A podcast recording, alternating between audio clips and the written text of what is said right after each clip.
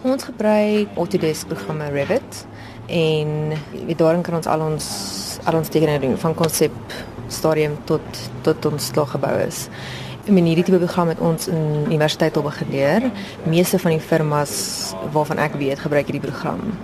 Uh hy's driedimensioneel, hy's nie tweedimensioneel nie. Jy kry tweedimensionele programme, maar ons voel dit 'n bietjie terug as jy as jy iets kan doen en kan jy kan jy kan die hele gebou sien. Die program wat lekker is van Revit is jy kan ook renders doen soos 'n artistic impression en uh, hy werk saam ander programme. So jy kry ander render programme soos Lumion of uh, V-Ray, so hulle almal op 'n manier om by mekaar te praat. So ons kan ons werk hierin doen en hierdie hierdie model na 'n render program toe vat. En ek dink die goeie ding met dit is, is dit bring kliënte baie nader aan aan die realiteit van hulle geboue. So hulle kan 'n baie akkurate visie van wat hulle gebou gaan wees jy wat nou met met die tegnologie werk, jy sê het op universiteit begin met hierdie tegnologie. Was daar ooit 'n stadium in jou loopbaan of jy gestudeer het wat jy dit nog met die hand moes teken? Ja, nee, universiteit was redelik streng. Bloemfontein is redelik streng en laat jou tot met meesters aanmoedig om eerder met die hand te werk as op rekenaar te werk. Veral in die beginstadiums van die van 'n projek.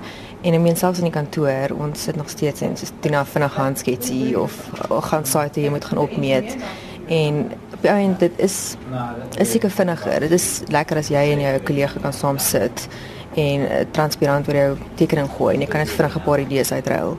So alhoewel ons die programme so gerieflik is, ek dink dit is belangrik om nog steeds met die hand te werk, nog steeds 'n vinnige skets te maak. Want ons tyd wat jy in 'n in 'n vergadering sit op op site en jy moet dan vinnig vir iemand iets verduidelik. So universiteit en nou nog ons werk nog steeds jou hand en ek dink dit is belangrik vat dit nie die die persoonlike koneksie met die skets weg as jy dit slegs op die rekenaar doen nie.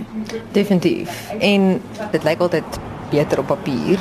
So wanneer ons is wanneer jy oomblik moet 'n rekenaar toe gaan, dan lyk dit net nie meer dis nie meer die beplanning wat jy gehad het op papier nie. So dit is soms frustrerend. En ek dink ook kliënte geniet dit as jy by die eerste eerste ontmoeting opdaag met 'n paar handsketse vir huise. In ons kantoor doen ons dit baie waar jy on, ons ons direkteur of ons al vinnige aansigteken van 'n huis of 'n paar vloerpanne en dit vir die kliënte wys en hulle ek dink hulle hulle voel ons is meer betrokke as as dit die proses is.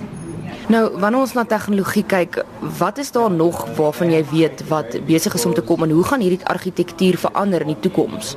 Ek dink, ek bedoel daar daar 'n 3D printing is besig om te gebeur, so mense doen dit op universiteit al met modelle. So in steede van jy wat jou model bou met eie vorms uitsny, kan jy dit laat print.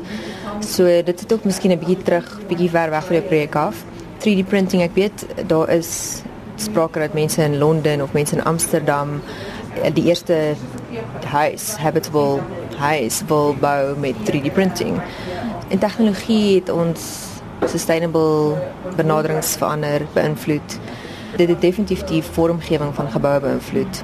Ek bedoel jy kan om om om organiese vorms te maak was baie moeiliker om met die hand te probeer verstaan met 'n rekenaar nou jy dit is so maklik om dit te doen. So dit definitief ek ek voel dit beïnvloed definitief die vorms van geboue in vandag se tyd.